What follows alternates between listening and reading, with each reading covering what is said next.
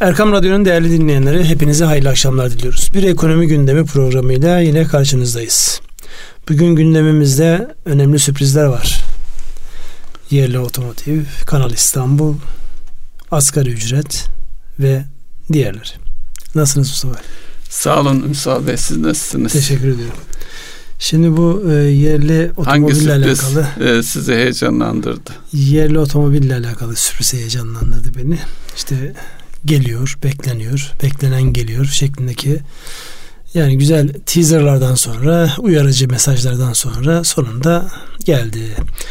Ben e, yayına girmeden önce buradaki arkadaşlarla biraz sohbet ettim. Yani ne olur sizce? Yani nesi? Ercan'ın söylediğini duydun değil mi? Hayali bile güzel dedi. Evet. Yani ne zaman ben ona sahip olurum, ne zaman alırım bilmiyorum ama hayali bile güzel deyip yani e, olaya pozitif yaklaşmış olması demek ki insanlarımızın böyle şeylere ihtiyacı var. E, 2019'un bu son programı. Yani başka bir cuma yok. Allah nasip ederse 2020 yılında biz programlarımıza devam ederiz. Yani genelinde usulen e, şudur son programlar bütün yılın değerlendirmesiyle geçer. Ama o zaten bir şekilde yapılacaktı. Bir de yıl kapansın yani. Yılın son gününde kurlar ne olacak? Nasıl olacak? Bilançolar nasıl Bilançolar bağlanacak? nasıl bağlanacak? Hangi kurlar üzerinden bağlanacak? Onları bir görmekte fayda var. Zaten son bir hafta on gündür özellikle bu dövizdeki hareketlenmenin yansımaları 2020'de farklı olacaktır. İşte az önce sizin notlarınızda gördüm. E, döviz tevidat hesaplarında yani dövize endeksli e, tasarruf hesaplarında e, bir çözülme olmuş kurlar yukarıya gidince ama öyle devam eder mi? Onların hepsini birlikte göreceğiz. Önce bir kabullenme seansı yapalım. 2019, 2018'den sonra 2019'da evet zorlu bir yıldı. Kolay bir yıl değildi. Evet. 2018'e göre daha iyi ama 2018'in o döviz ataklarının ve yaşanan sonraki sürecin e, yansımalarını gördüğümüz belli bir dönemde insanlar daha aşağı gidecek miyiz, gittik mi, durduk mu, durup döndük mü dedikleri bir dönemde 2019 oldukça zorlu geçti. Tabii yıl kapanırken de insanların büyük geniş kitlelerin beklediği asgari ücretle alakalı bir karar açıklandı. Hayırlı uğurlu olsun. Yani oranın e, ne olduğu, miktarın ne olduğu bu yani baktığımız yere göre değişecek. Yüzde on beş baktığınızda işletmeler açısından, işletme sahipleri açısından e, nasıl karşılanacak diye bakılan bir başlık. Çalışanlar açısından baktığında e, resmi rakamlardaki enflasyon bu ama benim hissettiğim yani tükettiğim ürünlerdeki yaşadığım enflasyon bundan daha yukarıda. Dolayısıyla ben bununla nasıl e, baş edeceğim diye bir bakış açısı. Yani Nasrettin Hoca rahmetli yaşasaydı ne derdi? Herkes haklısın, haklısın derdi. derdi. Dolayısıyla herkesin haklı olduğu bir e, fotoğrafa bakıyoruz ve buradan bir kabullenme yapacağız. Kabulleneceğiz ki yönetmemiz kolay olsun. Aksi takdirde isyan bayraklarını çeke çeke 2020'nin de felç olma ihtimali var. Buyurunuz sizin bir değerlendirmenizi alalım. Ondan sonra yavaş yavaş kıyısına köşesine Şimdi, E, nereden başlıyorduk? Canınız nereden isterse oradan başlayın. E, e, otomobil, yerli otomobil heyecanlandırdı dediniz. Oradan başlayalım tamam, isterseniz. oradan başlayalım. Buyurunuz. Şimdi e, elektrikli yerli otomobil deyince belki de ilk kez e, tüm dünyayla birlikte eşit koşullar altında yarışa başlıyoruz. Yani elektrikli otomobil deyince e, dünyada da yeni yeni gelişmeler var. Hibrit oldu önce o bir yere kadar geldi ama bundan sonra e, sadece elektrikli otomobil üzerine e, yeni oyun kuruluyor.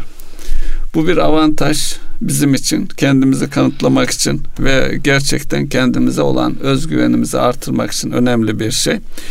Benim burada dikkatimi çeken konulardan bir tanesi de bir programda işte yerli otomobil olursa alır mısınız, kaç liraya alırsınız gibi varsayımda şeyler konuşulurken hala e, insanlarımızın aklında yerli olduğu için e, diğer batılı markaların altında bir fiyatta olursa alırım gibi bir yaklaşım var. Artık bu eşit yarışıldığı için bizim çıkartacağımız otomobil de batılı e, markaların çıkarda, çıkaracağı otomobilin altında olacağını düşünmüyorum.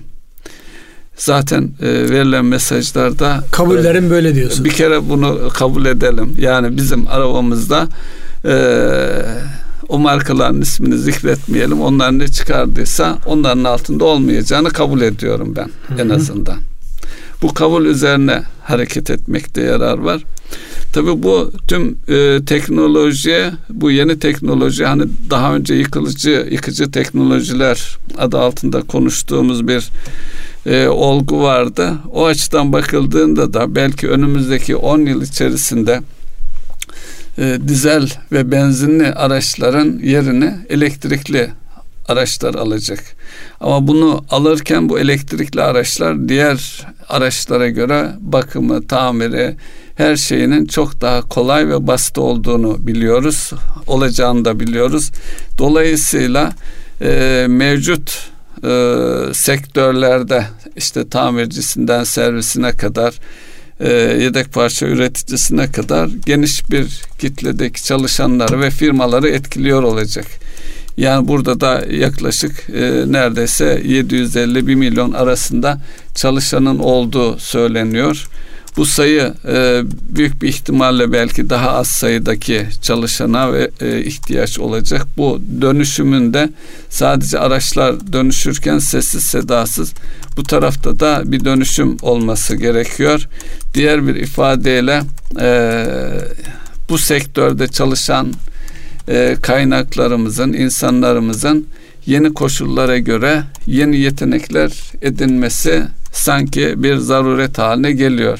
Belki bu konularda biraz daha e, farkındalık oluşturmak için e, neler söylenir Ünsal Bey? Belki onları konuşalım. Şimdi burada tabii e, insanlar haklı olarak şunu söyleyecek. Çünkü biz de programlarımızda zaman zaman eğer piyasaya yeni giriyorsanız bir yerde farklılaşmanız gerekiyor. Nerede farklılaşacaksınız? Ya maliyette farklılaşacaksınız ya ürünün kendisinde hissettirdiği duygularda farklılaştıracaksınız ya da odaklanarak yani maliyete ya da farklılaşmaya odaklanarak rakiplerin bir adım önüne geçeceğini, sizin tercih edilmenizi sağlayacak bir şeyler yapmanız lazım. Şimdi burada fiyat avantajının çok olmayacağını söylediniz. Yani fiyat avantajına bakmamalı diye. Yani fiyat avantajının çok böyle üst seviyede beklenmemesi evet, gerektiğini evet. söylediniz. Yani olabilir ama e, çok beklenmemesi gerektiğini söylediniz. Diğer konu farklılaşma yani hiç kimsede olmayan, hiç kimsenin üretmediği, sadece bu aracın kullanıldığında insanlara hissettirdiği bir şey var mı? Henüz bilmiyoruz. Yani kullanınca onu anlayacağız, bileceğiz. O duyguyu yaşayacağız. Geriye ne kalıyor? Geriye şu kalıyor. Bir ürünle alakalı piyasaya sunduğunuzda sponsor yani hep konuşulan mevzu vardır. Yani müşteri varsa iş kurulur. Evet. Soruyu ben tersten geliyorum. Müşteri var mı? Var elbette. İyi bir piyasadayız. Evet, iyi bir piyasa. Bütün otomotiv sektörünün yani dünyanın her markasının en lüksünden en sıradanına kadar her türlü aracın satıldığı bir piyasa mıyız? Evet, öyle bir piyasadayız. Dolayısıyla yani bu ürünü ben kime satacağım sorusu biraz e, tuhaf bir soru olur. Hepsinden önemlisi kamu olarak çok ciddi bir e, otomotiv kullanıcısısınız.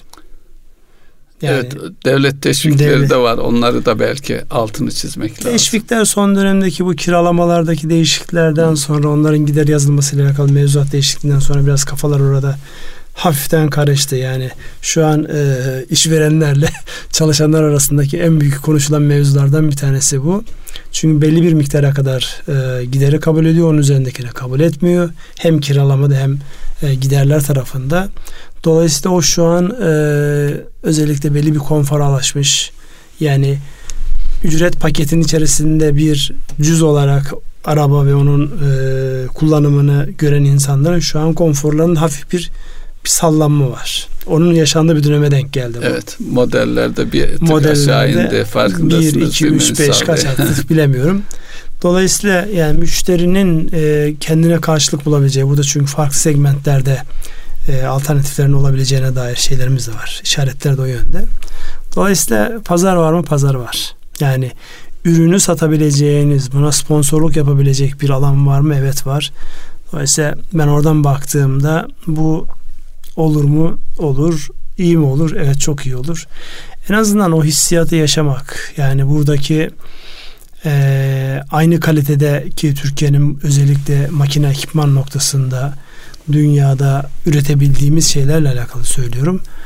Kalitemizle alakalı herhangi bir eleştiri yok. Yani burası bir Çin değil bir Hindistan değil. En büyük e, şeyimiz ihracatımız otomotiv zaten. Evet o işi bir yakın yapabildiğimizi zaten göstermişiz. Kanıtlamış durumda. Farklıydı o. Şu anki de biraz daha farklı olacak. Onun için yani bu evet heyecan verici bir gün. Bunun aslında bir şeyine bakmamız lazım. Nelere yenileyecek? Hani bir şeyler neredeyiz, nerede olmak istiyoruz sorusunda neler değişecek sorusunun cevabını aramamız lazım. Yani fosil yakıtlı bir motorla elektrikli bir motorun özellikle ekonomik yansımalar olarak nerelere yansıyacağını siz e, notlarınızda görmüştüm. Biraz geçen haftalarda sanki bahsettik ama bugün de isterseniz üzerine geçelim. Bu vesileyle bir şey olsun. Kaç meslek ortadan bir şekilde yani sadece bizim bu yerli otomobilden bahsetmiyorum. Elektrikli otomobile geçince neler değişecek sorusunun cevabına bir evet. bakalım.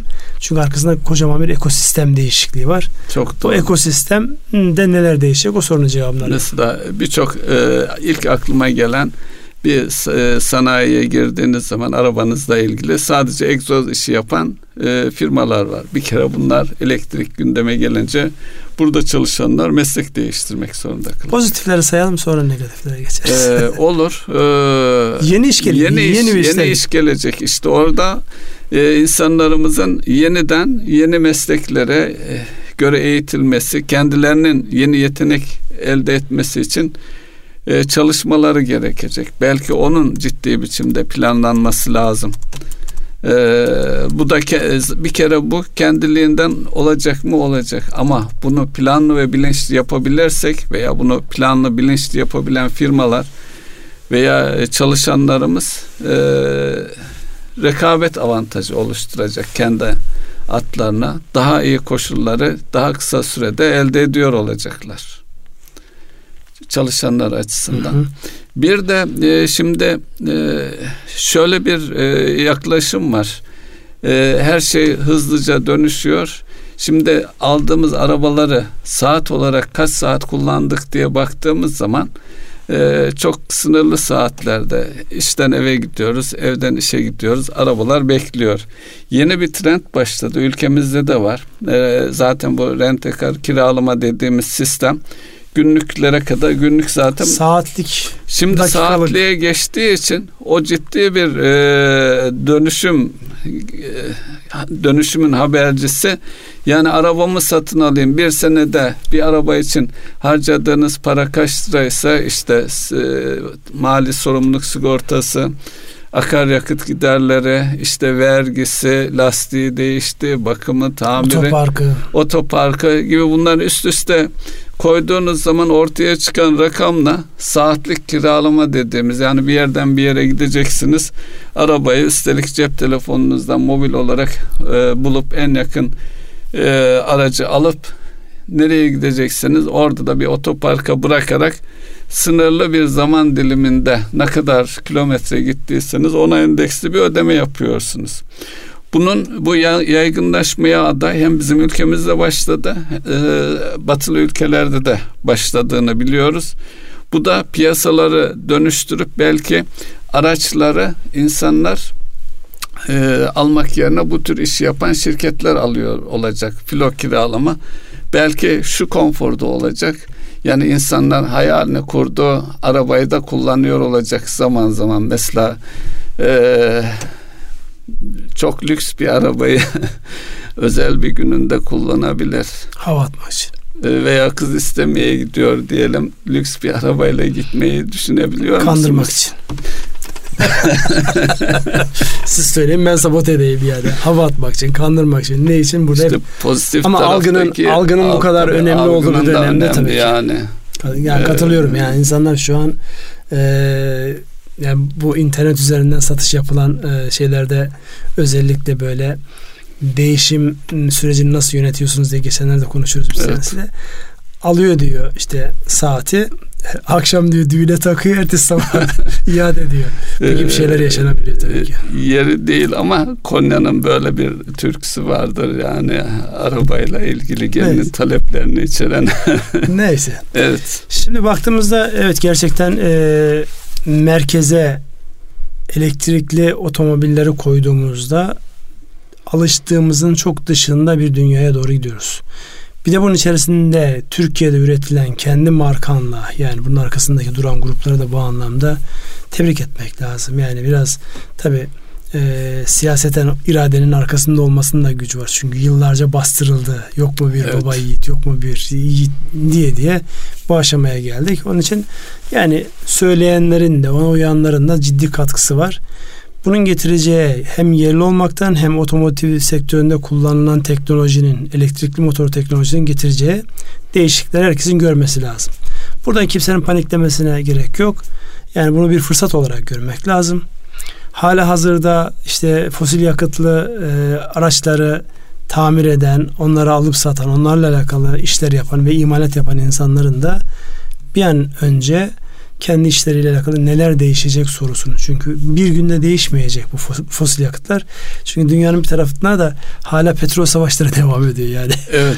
Yani bunun bir, bir süreci var. Petrol fiyatlarında belki konuşmalıyız. Petrol fiyatlarında konuşmak icap eder ama şu an henüz daha bunların ilk e, işaret fişekleri ilerleyen zaman içerisinde daha yoğun konuşacağımız zamanlar olur. Ama şu bir gerçek yani şu an bir e, fosil yakıtlı bir e, motordaki eğer 1300-1500 tane parça varsa elektrikli motorun e, üretilen parça sayısı 200. Evet.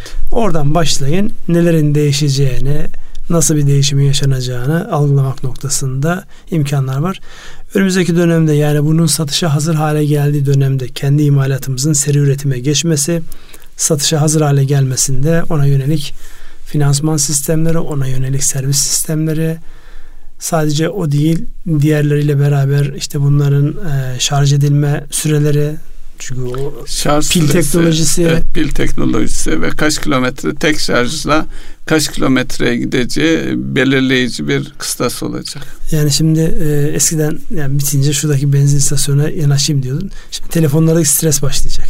İnsanlar şeyler bagajlarında bir tane de yedek yani yedek akü taşıyacak. Herhalde öyle olacaktı yani şu anki e, şey düşünün. Olur mu olur bilmiyorum. Power, yani. power bankleri düşününce yani telefonları evet. şarj etmek için olanı düşününce bunların hepsi olacak. Bakın yeni bir sürü e, iş modeli iş geliyor. İş modeli çıktı.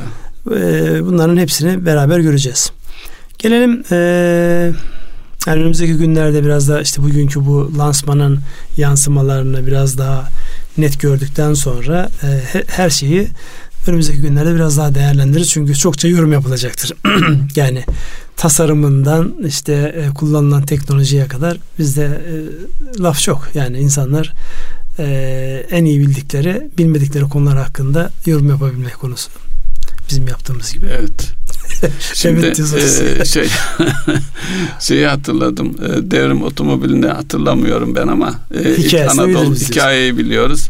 Anadolu biliyoruz. Daha sonra da işte e, bu daha sonra adı Serçe olan aracı biliyoruz ve yıllarca birçok kişinin hayalini kurdu. Hatta o dönemlerde e, aracı edinebilmek için birkaç ay önceden ön ödemeler yaparak araca erişebiliyordunuz. Uzun süre bütün araçlar için böyle değil miydi?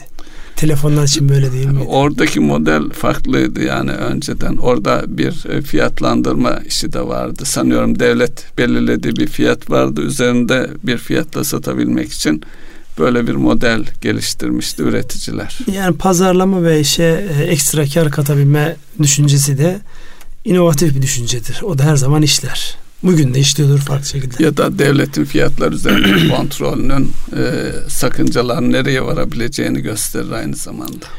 Ya doğrudan kontrol olmasa bile yani getirilecek ilave maliyetlerle alakalı mesela şu an Türkiye'deki en önemli şey nedir? Dolaylı vergilerle oluşan maliyet. Şimdi o da bir belirleme unsuru aslında. Yani motor silindir hacmine göre siz farklı bir vergilendirme uyguladığınızda doğrudan değil ama dolaylı olarak aslında o işi bir şekilde yapmaya devam ediyorsunuz. Artık silindir hacmi olmayacak. Olmayacak. Bundan sonra silindir hacmi olmayacak. Evet gelelim asgari ücret konusuna. Yani açıklanan rakamı yani şimdi hemen direkt e, azdı çoktu kısmına girince ben şahsi kanaatimi söyleyeyim. Yani kaç para olsun asgari ücret derseniz 10 bin lira olsun. Ama bu 10 bin lira olsun tek başına bir anlam ifade etmiyor. Yani e, insanların rahatlıkla işte 2000 eurolar 1500 eurolar aldıkları dönemlerinde geleceği ekonominin o kadar iyi olduğu dönemlerinde olacağı günler inşallah yakındır.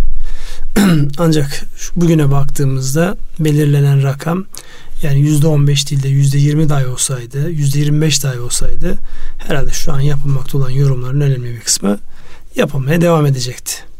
Dolayısıyla burada e, asıl bakmamız gereken şey kök nedene bakmamız gerekiyor. Yani ne olursa insanların memnun olacağı hadise.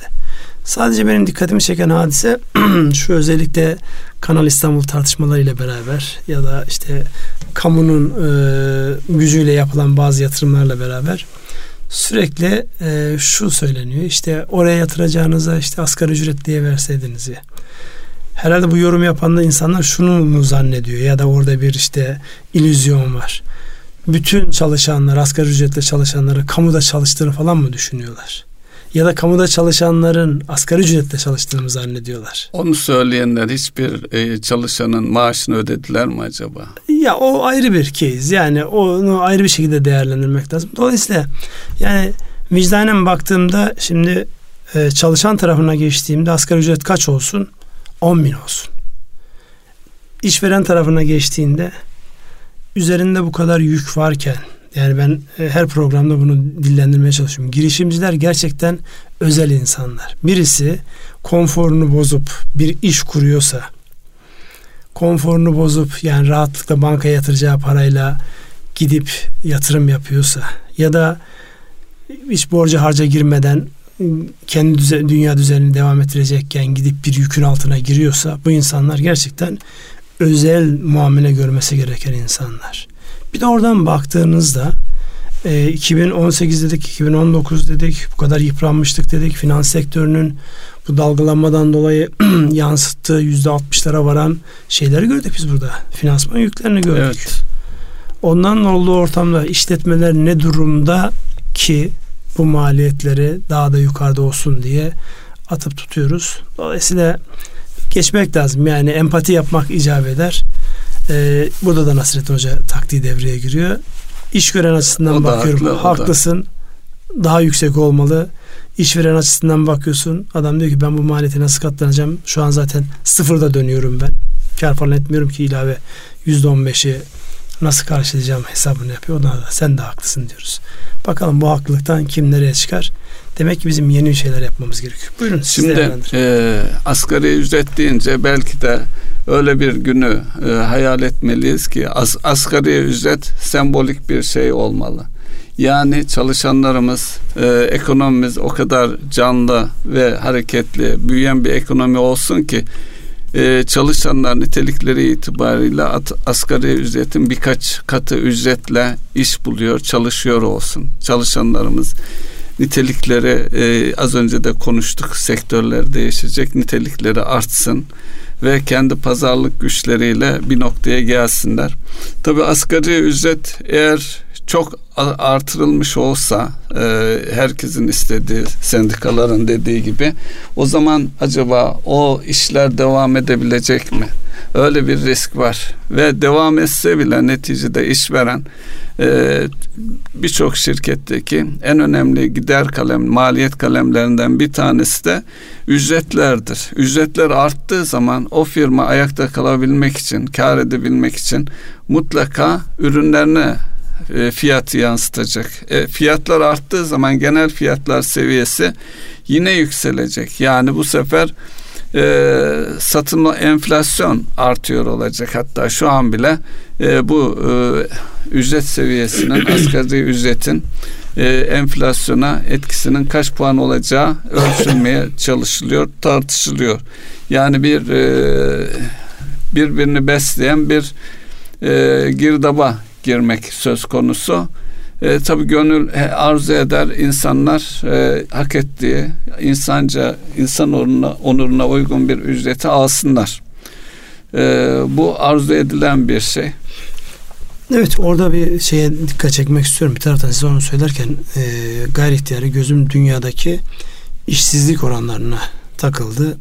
Ve baktığımızda Türkiye özellikle kendi segmentindeki yani G20'den baktığımızda da gelişmekte olan ülkeler mi diyeceksiniz? G20 önce Hı. yani en büyük 20 ekonomiden evet. baktığımızda orada da gelişmekte olan ekonomiler içerisinde de yani İspanya gibi birkaç tane böyle istisnai de, devre dışını bıraktığımızda işsizliğin en fazla olduğu yer. Şimdi siz bir taraftan asgari ücretin e, yeterince arttırılmadığından şikayet ediyorsunuz. Öbür taraftan işsizliğin niye bu kadar yüksek olduğundan şikayet ediyorsunuz. Bu ikisi arasında bir çelişki yok mu? Evet. Şimdi asgari ücret yüksek olduğu zaman insanlar daha mı çok yatırım yapacaklar? Daha mı çok istihdam sağlayacaklar? Şimdi o taraftan bir şey var. Bunu bir sınırlayan bir taraf var. Ama öbür taraftan da şu var. Ee, özellikle e, belli seviye yani asgari ücret ve yakın ücretteki insan e, seviyedeki ücretlerle onu benimsemeyip çalışmayın, çalışmayı tercih etmeyen insanlar var. Çünkü bir taraftan bizim bir e, alışkanlığımız var. Toplum olarak genel anlamda bir alışkanlığımız var. Tasarruf etmiyoruz. Tasarruf edebilen bir toplum değiliz. Yani bugün özellikle gelişmiş ekonomilerde ve dış ticaret fazlası veren sanayileri kuvvetli olan ülkelere baktığımızda temel özellikleri inanılmaz bir tasarruf becerisi var. Yani burada iki tane örnek var. İkinci Dünya Savaşı'nda yerle bir olmuş iki tane örnek. Japonya ve Almanya, Almanya. örneği. Ve İskandinav ülkeler örneğine baktığınızda yüzde yetmişlere yüzde seksenlere varan tasarruf etme oranı var. Bizde hala yüzde yirmiler civarındayız.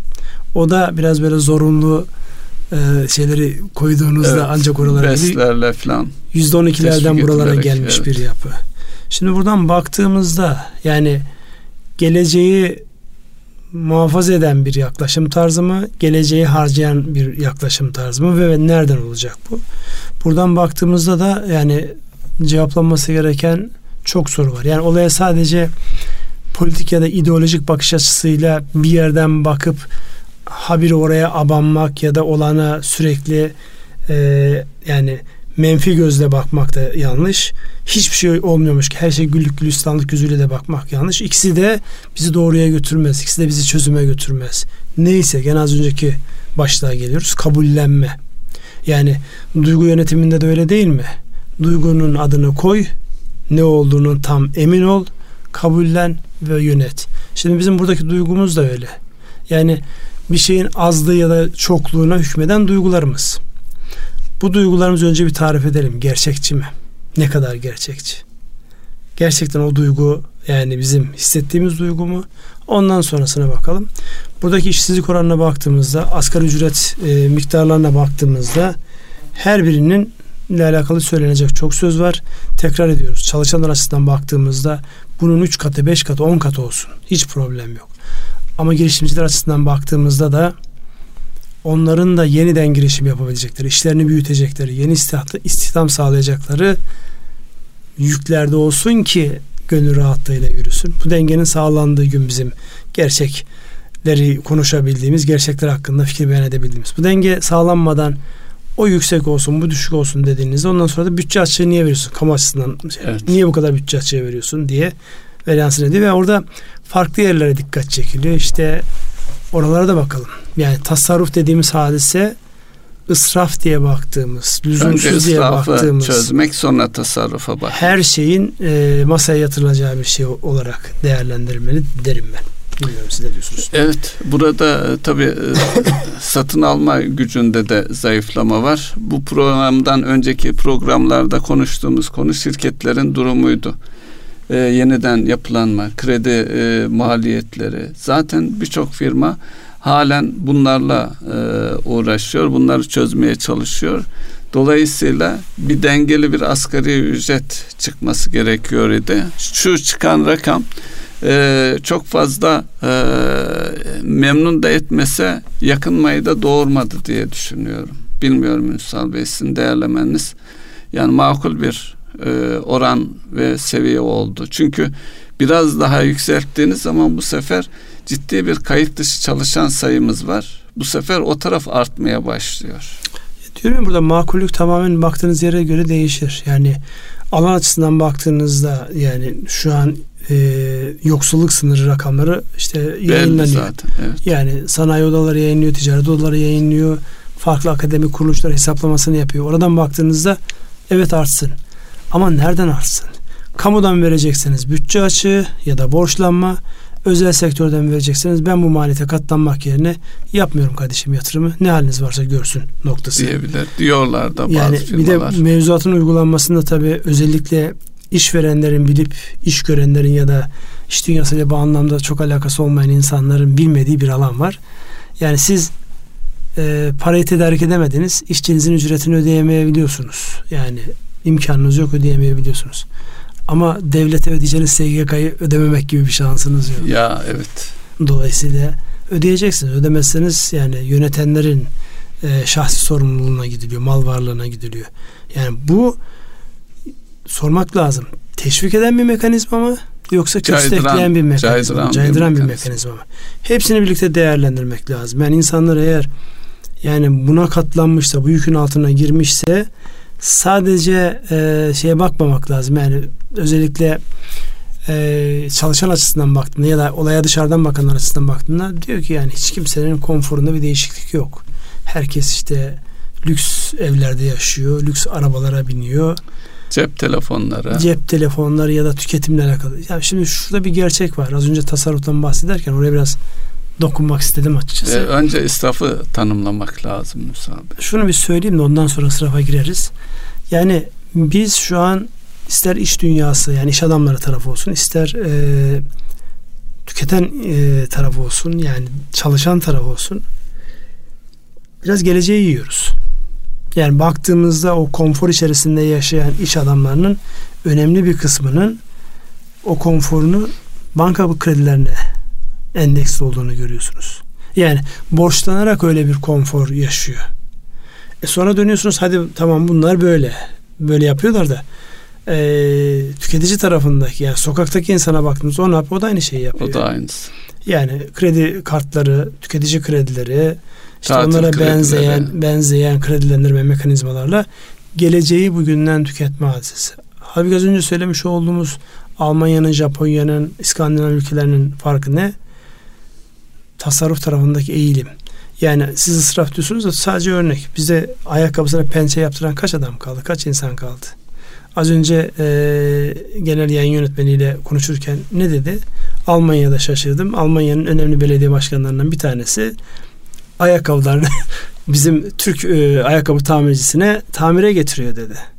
Şimdi var mı bize yani şöyle bir gözünüz önünde getiren yani belediye Yani- başkanını falan boş verin. Yani tüm karizması çizilir herhalde. Bir de kendisi getiriyor. Yani bu bir bakış açısı bizim zihnen bir şeyleri değiştiriyor olmamız lazım. Yani daha önceki bir lokma bir hırka yani ne varsa burada hayır hasenat yap tasadduk et kültüründen yani o kültürde e, kendi içerisinde özellikle kapitalist sistemde ne kadar yürür ona bakmak lazım.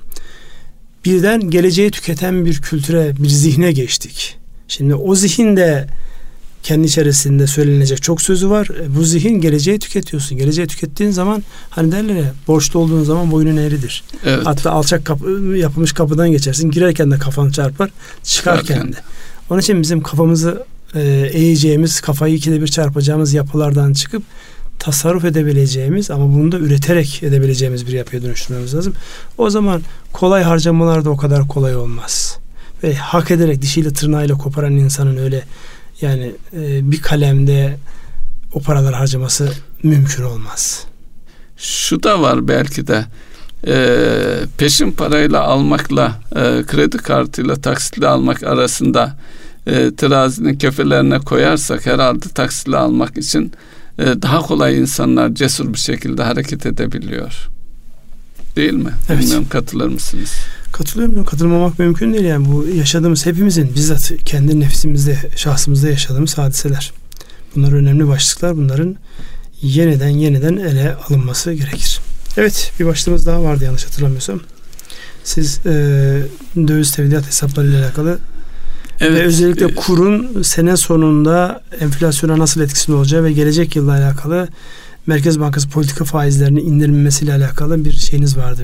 Bir Değerlendirmeniz vardı. Onu alabilir? Kurlarda yukarı doğru bir hareketlenme oldu biliyorsunuz. Bu e, bunun tetikleyen hususta BDDK'nın e, bu swaplarla ilgili kararıydı. O kuru e, yukarı taşıdı. Faizleri özellikle swap faizlerini dramatik bir biçimde düşürdü. E, bunun kura etkisi oldu. Tabii kura etkisi yıl sonundayız. E, birkaç haftadır da bu şekilde devam ediyor. E, bunun devamı bu şekilde gitmesi önümüzdeki ay e, beklenen faiz indiriminin e, zorlaştığı olmayabileceği. Çünkü bu kurum bu sevi seviyede kalmasının enflasyonu da bir miktar baskı altına alacağı hesap ediliyor. Bunun e, tabi e, insanlarımız şirketlerde, bireylerde e, tasarruflarını e, yo, yoğun olarak yüzde ellinin üzerinde bir oranda Türk lirasında değil döviz üzerinde tutuyorlar. Orada kurun yükselmesine bağlı olarak bir çözülme var mı acaba diye baktığımız zaman e, şu anki seviye 193 e, milyar 400 milyon dolar seviyelerinde bir döviz tevdiat var. E, 500 milyon civarında bir gerçek kişilerden bireylerden e, dönüş var. Tabi bu geçen haftanın e, rakamı bu hafta e, bu kur seviyesi devam ediyor ve bir yıl sonu haftasına da giriyoruz. Dolayısıyla bunun etkisinin ne olacağını henüz tam evet e, artık TL'ye dönüş başladı e, diyemiyoruz. Ama e, ekonominin sağlığı açısından da e, Türk lirasının e, öne çıkması dövizden uzaklaşmamızda elzem e, diyebiliriz. Ne kadar süre alacağını bilemiyoruz. Sanıyorum önceki tecrübelerden bakarsak birkaç yılı da alabilir görünüyor. Yani temennimiz birkaç yıl almasın insanlar kendi yerli paramıza güvenerek tasarruflarını da harcamalarını da borçlanmalarını da onun üzerinden yapmaları oradaki gelişmeleri bilmemiz. Çünkü yabancı para dediğinizde belirleyici siz değilsiniz. Dünyadaki muhtelif gelişmeler ana hatlarıyla onun belirleyicisi oluyor. Yani bu kadar endeksli olmak, dolarize olmak ne kadar doğru? Bunun geçmiş yıllarda çok tartışması olduğu için şu an o tartışmaya tekrar girmenin bir anlamı yok. Peki önümüzdeki e, günlerde işte yıl kapanıyor. Önümüzdeki yılla alakalı ne taşınıyor? Yani 2019'dan 2020'ye insanlar özellikle siz işletme tarafında danışmanlık yaptınız, işte liderlere koştuk yaptığınız için biliyorum oradan. Ne taşıyor insanlar? Yani umut mu taşıyorlar? Kaygı mı taşıyorlar? Korku mu taşıyorlar? Ve siz ne taşımalarını tavsiye ediyorsunuz? Ee, 2019'da neler yaşandı diye bakarsak 2019'da e, ülkemize de bakalım e, dünyaya da bakalım. Ülkemize bakıldığında ilk e, yarıda seçimle ilgili bir e, ekonominin hızla V yapmasını beklediğimiz bir süreçte onun uzaması söz konusu oldu. İkinci yarıda hareketlenmeye başladı ama e, özellikle e, 2019'a baktığımız zaman Türkiye'yi dünyada da Amerika'nın özellikle jeopolitik e, baskı diyebileceğimiz Suriye'deki barış planı e, e, doğru mu ifade ettim? Barış e, Pınar Hareketi. Barış Pınarı harekatı e, arkasından e, S-400 füzelerinin e, konuşlandırılmasıyla ilgili oradan gelebilecek yaptırımlar ciddi bir jeopolitik risk olarak önümüzde durdu. Hem Suriye mevzusu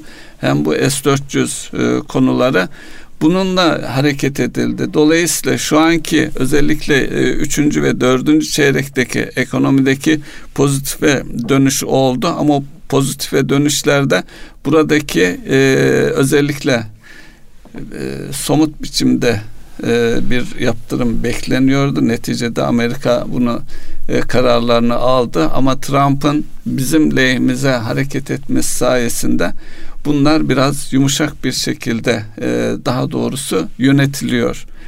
E, bu korkularla, handikaplarla geçtiğimiz bir yıl oldu. E, önümüzdeki 2020'ye baktığımızda yine jeopolitik konular ön planda olacak. Çünkü Türkiye'de yatırım yap, yatırımı olan, yatırım yapacak yabancıların da en fazla baktığı konulardan bir tanesi işte önümüzdeki konulardan biri işte e, Doğu Akdeniz'deki gaz e, yataklarının kullanılması e, bizim rolümüzün ne olacağı son olarak Libya'daki e, bizi öne çıkartan e, koşulları lehimize çeviren gelişmeler var. Bunların nereye varacağı yine hakeza e, bir yaptırım kararı alındı Amerika'da ancak bunun başkanın erteleme yetkisi var. Ne şekilde kullanacağı.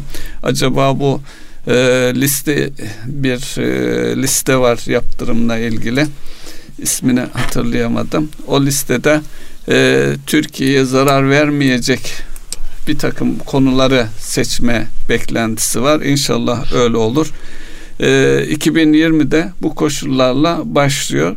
Tabi burada e, özellikle az önce asgari ücreti konuştuk, işsizliği konuştuk. Türkiye'nin istihdamla ilgili, işsizlikle ilgili e, sorunları aşabilmesi için yüzde beş ve üzerinde büyümeler gerekiyor. Ee, ilk önümüzdeki ilk üç yıl için zaten yüzde asgari yüzde beşlik bir büyüme e, yeni ekonomik plan çerçevesinde e, belirlenmişti. Bu ne kadar realize olacak? bunun gerçekliği nedir? Özellikle tüm e, finans sektörü, reel sektör ve Türkiye'de yatırım yapmak isteyenler buna bakıyorlar. Şimdi burada e, üzerine durmamız gereken en temel konulardan bir tanesi önümüze bir takvim geldiğinde e, motivasyon unsuru ne? Şimdi bireysel anlamda baktığımızda insanların iç motivasyonlarını sağlamaları için üç tane temel unsura ihtiyaç var. Malumunuz biraz böyle hafiften teorik ve pratikten gidelim ama kendi hayatımızda da var. Birincisi kendimi motive hissedebilmem için üç tane başlıktan bir tanesi özerk hissetmem kendimi. Eğer hareket alanım varsa bağımsız bağımsız hareket edebiliyorsam kendimi motive edebilirim. Yani yoksa her yaptığımı dönüp işte size bakacaksam, birisine bakacaksam, birisinden onay alacaksam motive olma şansım yok. İkincisi usta olduğum konularda, uzmanlık alanlarında kendimi motive hissederim. Rahat hissederim diyorsunuz. Çünkü bildiğim evet. alan. Dolayısıyla ne kadar çok alanda kendimi ustalaştırırsam, ne kadar çok alanda kendimle alakalı becerilerimi arttırabilirsem ki bu becerilerin önemli bir kısmı e, geçen şeyde de belirttik. Taşınabilir yetenekler bunlar. Yani meslekten bağımsız olarak her alana taşıyabileceğiniz yetenekler işte müzakere, iletişim, e, ikna bunlar hepsi bu kapsamda liderlik becerileri vesaire. E, son olarak da bir amaç varsa, bir amaçlılık varsa insanlar özerk oluyor. Şimdi insanlar böyleyken işletmeler, devletler bundan çok mu farklı? Aynı başlığı kullanabiliriz. Şimdi bizim burada eğer her yaptığımızda daha önceki gibi e, işte Amerika ne der, Avrupa ne der, işte o ne der, bu ne der diye baktığımız dönemde yani ne e, kendi silahınızı yapabiliyorsunuz ne başka bir şeyinizi yapabiliyorsunuz ne de bir oyun kurabilme şansınız var. Yani geçmişte iyi yaptığımız tabii ki unsurlar var. Yani diplomasi anlamında devlet genelliğinden gelen o e, şeyleri biliyoruz. Ama oralarda kapalı kapılar ardında kaybettiklerimizi tabii hiçbir zaman öğrenemedik, bilmedik. Şu an dünya farklı bir pazarlık döneminden geçiyor. Yani e, Suriye'de beraber hareket ettiğimiz Rusya ile Libya'da karşı karşıyayız. Suriye'de kapıştığımız Amerika ile Libya'da beraber hareket ediyoruz. Libya'daki e, muhalif e, ordunun başındaki adamı yetiştiren Amerika ama Türkiye'nin desteklediği tarafta bir görüntü arz ediyor. E, o muhalifleri Amerika Körfez bölgesindeki Arap Emirliklerini ve Suud'a fonlatıyor. Ama orada Türkiye ile hareket ediyor. Dengeler çok enteresan çok değişiyor. Çok bilinmeyenli denklemler çok var. Çok bilinmeyenli denklemler var ve burada hiç kafayı karıştırmaya gerek yok. Yani her yerde farklı. Suriye'de ben böyle bir tavır sergileyeceğim. Libya'da. Libya'daki duruşumuzdan dolayı işte İdlib'e milyon tane göçmeni yığan Rusya eğer bu hareketini yapıyorsa Türkiye'nin ona karşı söyleyeceği bir şey vardır. Yani netice itibariyle şu an herkes herkese muhtaç. Herkes birbirinin sırtını kaşıyacak ki hayat idame etsin. Yani e, sıcak denizlere indi ama sıcak denizlere inmiş olması yani böyle elini kolunu sallayarak gelmiyor. Yani arada e, Türkiye gibi bir blok var. Yani o kadar rahat değil. Onun için bu dengelerin yeni baştan gözden geçirmesi lazım. Hafta sonu öğrencilerle yapmış olduğumuz derslerde bu haftanın konusu motivasyondu. Özellikle motivasyonu gündeme getirdim. Çünkü motivasyonu kaybettiğiniz yerde kendinize o geri dönüşü sağlayacak gücü bulamıyorsunuz. Orada da bir e, teorinin uygulamasıyla alakalı arkadaşlar bahsettik. e, Türkçe'de kendini gerçekleştiren kehanet diye tercüme edilen güzel de bir başlıktır o. Evet. Pigmelyon etkisi dedikleri bir e, durum var. Nedir o Pigmelyon etkisi? Hatta deneylerle de anlatmış. Yunan mitolojisine dayandırılan bir isimlendirmesi var ama orayı bir kenara bırakacak olursak şöyle işte bir sınıfta e, okulun yöneticisiyle e, bir araştırma, psikoloji araştırma ekibi anlaşıyorlar. Öğretmenlerin haberi yok. Sınıftan 10 tane öğrenciyi vasat olmalarına rağmen sanki IQ'leri diğerlerinden daha yukarıdaymış gibi bir lansmanla öğretmenlere deniyor ki bu 10 tane çocuk diğerlerinden daha nitelikli. Aman ha. Bu aman ha öğretmenlerin bu çocuklara karşı olan ilgisini, diğerleriyle olan e, karşılaştırmaları, bunlar bir şey yapamadıkları zaman onlara destek olmaları, yani pozitifte kalmaları bir müddet sonra dönemin sonunda bu çocukların başarısını diğerlerinin yüzde otuz, yüzde kırk üzerine taşıyor. Şimdi buradan ne anlam çıkıyor? Biz kendimize burada polyanlacılık oynamanın bir anlamı yok. Ama yapabileceğimiz şeylerle alakalı pozitif anlam yüklersek sonuçları farklıdır. Bizden bir cacık olmaz abi. Özür dilerim yani e, dinleyenlerden. Evet. Bu muhabbette buna da golem etkisi deniyor. Yani sürekli aşağı basan, sürekli olumsuzluğu gören, sürekli olumsuzluğu oynayan başlıkta da yerin dibine görülme ihtimali var. Dolayısıyla yani polyanlacılık yapmayacağız ama kendimizdeki pozitifleri de destekleyecek o önce söyleyeceğiz sonra kehaneti kendine gerçekleştirecek. Geç, geçmiş programlarda anlattığımız bir henüz değilin etkisinde belki bahsetmekte fayda var. Tam yeri. Bence yani de. Amerika'da yapılan bir şeyde e, New York'ta, Brooklyn'de çok kötü performans olan Amerikan ortalamasının altında okulan, olan okullara işte Stanford Üniversitesi'nden bir psikoloğu Carol Dweck diye bir profesörden rica ediyorlar. Yani buralarda başarı yerlerde sürünüyor. Şununla bir ilgilenir misin? Sebebi ne? Yani hanımefendi geliyor burada e, bir inceleme yapıyor ve sonra çok küçük bir değişiklik yapıyor. Başka değişikliklerin yanında. Hani bizde de vardır ya karnede geçti kaldı. Geçti kaldı. Geçenleri geçiyor zaten. Kalanlara kaldı yerine henüz geçemedi diye bir ifade. Ve bir müddet sonra o kapı kapatılmadığı için öğrenen zihniyette kapı aralık kaldığı için o öğrencilerin performansında çok ciddi bir düzelme önce Amerikan ortalaması sonra Amerikan ortalamasının üzerine çıktı. Yani ispatlanmış deneylerle kanıtlanmış bir şey. Kendi hayatımızda da var. Birisi bize yani iş ortamında ya da e, farklı ortamlarda evet yaparsın ben sana inanıyorum dediğinde hissediş biçimimizde sen yapamazsın. Zaten bugüne kadar ne yaptın yüzüne gözüne bulaştırdın. Aynı etki mi yapıyor? Bir sorsun insanlar kendilerine. Eğer lidersek insanlara nasıl davranıyoruz? Hafta sonu hatta öğrencilere dedim ki bir hafta boyunca düşünün. Çevrenizde olan insanlardan kaç size pigmelon etkisi yapıyor. Kaç, kaç tanesi golem, golem etkisi, etkisi yapıyor. Bunun bir ağacını çıkarın getirin üzerinde tartışalım. Göreceksiniz. Evet. Aynı şekilde siz kaç insanda pozitifte onların gelişmesine katkı sağlıyorsunuz? Kaç insanda yerin dibine batırıyorsunuz? Bu şahıslarda olduğu gibi işletme için de geçerli, ülke için de geçerli. Negatiften, negatiften, negatiften o biz negatife sokar. Buradan aileye de anne babalara mesaj vermemiz gerekir. Buyurun onu da siz yapın. Her şeyi, Aynı devlet, her şeyi devletten beklemeyin. Onu da siz yapın. Buyurun. Çocuklarımıza da öyle yaklaşmamız gerekir. Hele hele karne dönemlerinde getir bakalım ne yaptın gibi işte ben sana çalış dedim çalışmadın şu bu filan golem etkisi hemen devreye girer. Onun yerine e, baba ve anne olarak çocuklara henüz değil e, mesajıyla yaklaşsak birçok şey değişir. Aynı şekilde e, işletmelerde de çalışanlar üzerinde ki e, çalışanların kendilerini nasıl hissetti bu özgürlük dediniz ya Ünsal özellik. Bey, özellik. O önemli bir şey. Çalışan e, de, söyleneni mi yapıyor yoksa kendisinin de fikirlerini işin içerisine katabiliyor mu? Eğer katabilirse o zaman e, beklenmedik daha muhteşem sonuçlar elde etmek mümkün. O kapı aralanır ya zaten şu an e, her şeyin bu kadar hızlı değiştiği ortamda en tepedekilerin en doğruyu bilebilme şansları giderek ortadan kalkıyor. Dolayısıyla e, hem dışarıdan gelecek olan bilgilerle donanan hem de içerideki insanların bakış açılarına kendilerini ifade etme fırsatı veren işletmelerin gidişatı bambaşka bir noktaya kayacak. Yani burada e, hatırlarsanız daha önceden bir şeyimiz olmuştu. E, Salim İsmail diye bir ha, e, evet. Kanada'da e, girişimci olan aynı zamanda üstel fon yöneten şirketler. üstel şirketler ya da eksponansiyel e, organizasyonlar diye bir kitabı da var. Orada hep şey dikkati çekmiş. Yani son dönemde daha evveliyatı olmayan şirketlerin nasıl oluyor da bu kadar devasa büyüklüklere ulaştığı.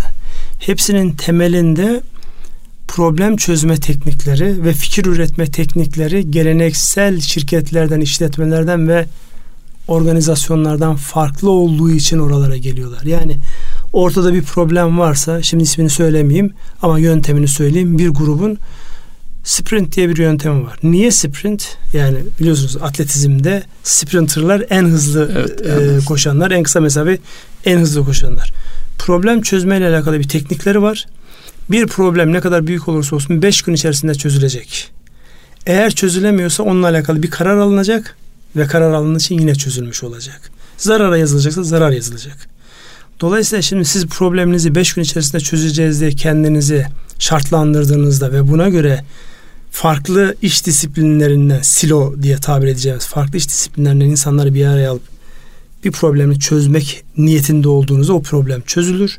Ama yay zamanı hele bakarız bir daha bakarız. Ya bunu bir şimdi bırakalım kenara sonra bir daha bakarız dediğinizde yani şunu görüyoruz. Hepimiz görüyoruz onu.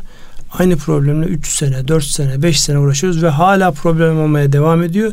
Bir e, adım, bir arpa buğdayı, arpa buğdayı neyse mesafe kat edilemediğini görüyoruz. Dolayısıyla meseleleri çözme noktasında da bu anlamda işte o eksponansiyel, üstel e, yaklaşımı her tarafa koymak icap eder. Çağ öyle bir çağ. Bu kaça feci vurur. E, tabii şimdi bu e, kapatılmamış dosyalar yaklaşımı da vardır. Problem çözülmüyorsa biz ekonomiden psikolojiye mi kaydık? E, davranışsal iktisat açısından tamam. bakıldığında eğer bir problemi çözmüyorsanız o her adımda aklınızdadır ve atacağınız adımları ona göre atmak zorunda kalırsınız. Tabii bu e, konuyu e, kişilerin bulunduğu konum açısından da bakmakta yarar var. İşletmenin başındaki en tepedeki kişinin e, böyle bir problemi çözmediği, taşıdığı bir problemle en alttaki kişinin e, tanı, e, taşıdığı bir problemin şirkete etkisi de farklı olacaktır. Evet. E, dolayısıyla bu beş gün e, iyi bir süre hatta beş iş günü demek lazım bir hafta içerisinde problemler çözülmeli. Çözülür, çözülür. Buna benzer şeyler Google'ın çalışma sisteminde, Microsoft'un da onların da dünyanın... Ben isim vermedim. Bu zaten Google'ın yöntemi. Öyle mi? onların da Microsoft'un da e, şeyi var. Hatta e, en şimdi, baştaki adam e, bunun e, nasıl çözüleceğine ilişkin soru sorabiliyor. Şimdi Mustafa abi oradaki en temel şeyler yaklaşım tarzlarından hoşuma giden en temel şeylerden bir tanesi şu her meseleyi bir problem çözme tekniği içerisinde ele almaları. Yani rutinin dışına çıktıysa yani ille de bunun çok büyük krizlere sebep olması gerekmiyor. Bu çözülmesi gereken bir konu. Çözmeden ayrılma. Sümen altına gömme, halının altına süpürme. Çöz, öyle yürü. Şimdi bu önemli bir başlık. Yani çözmek şöyle. Bu çözülemez. Biz bunu zarar atalım da bir çözümdür. Çözümdür. Yani gündemden çıkarıyorsun yani. Dur bir bakalım sonra bakalım dediğin zaman işte o açık dosyalar konusu geliyor ki kafada binlerce çözülmemiş problem var. Bir müddet sonra zaten siz yani isteseniz istemeseniz dünyanın en harika insanı dahi olsanız lider anlamında söylüyorum. Bir müddet sonra tükenmişliğe yakalanırsınız. Onunla çıkışı hayırlı olmaz diye. Neyse biz konumuzu tekrar hayra döndürelim. Evet. En kötü kalmak. olanlarda dahi pozitif yönünü görebilmek bu bizim zaten e, kendi itikadımızda da var. İnancımızda da var. Pozitiften baktığımızda o bize duada tutar. Kendimize olan güvenimizi, saygımızı da sağlar. Ve yapacağımız şeyler var. Negatifte baktığımız zaman hüküm cümlesini kurduğumuz için zaten yapılabilecek bir şeyler varsa bile onları hüküm cümlesinden dolayı yapılamaz hale getiririz. Onun için bazen böyle programı dinleyenler yani bugün de yine fazla pozitiftiniz falan gibi böyle sataşmalara maruz kalıyoruz. Pozitif olmak iyidir. Pozitif olmak insanın zihnini açık tutar. Çünkü bir öneride bulunma şansın var. Negatifte olduğun zaman ya yapamadın dediğin zaman e, söyleyecek bir önerin olmaz. Pozitifteyim çünkü şuralarını görüyorum. Şuralarında desteklenmesi lazım. Şunlar iyi yapılıyor. Şunlar da daha iyi yapılabilir deyip fikir beyan edebilme şansı var. Buyurun isterseniz programı siz kapatınız. Ee, siz son alalım. cümlelerle kapattınız zaten Ünsal Bey. İştirak ediyorum sizin e, düşüncelerinize.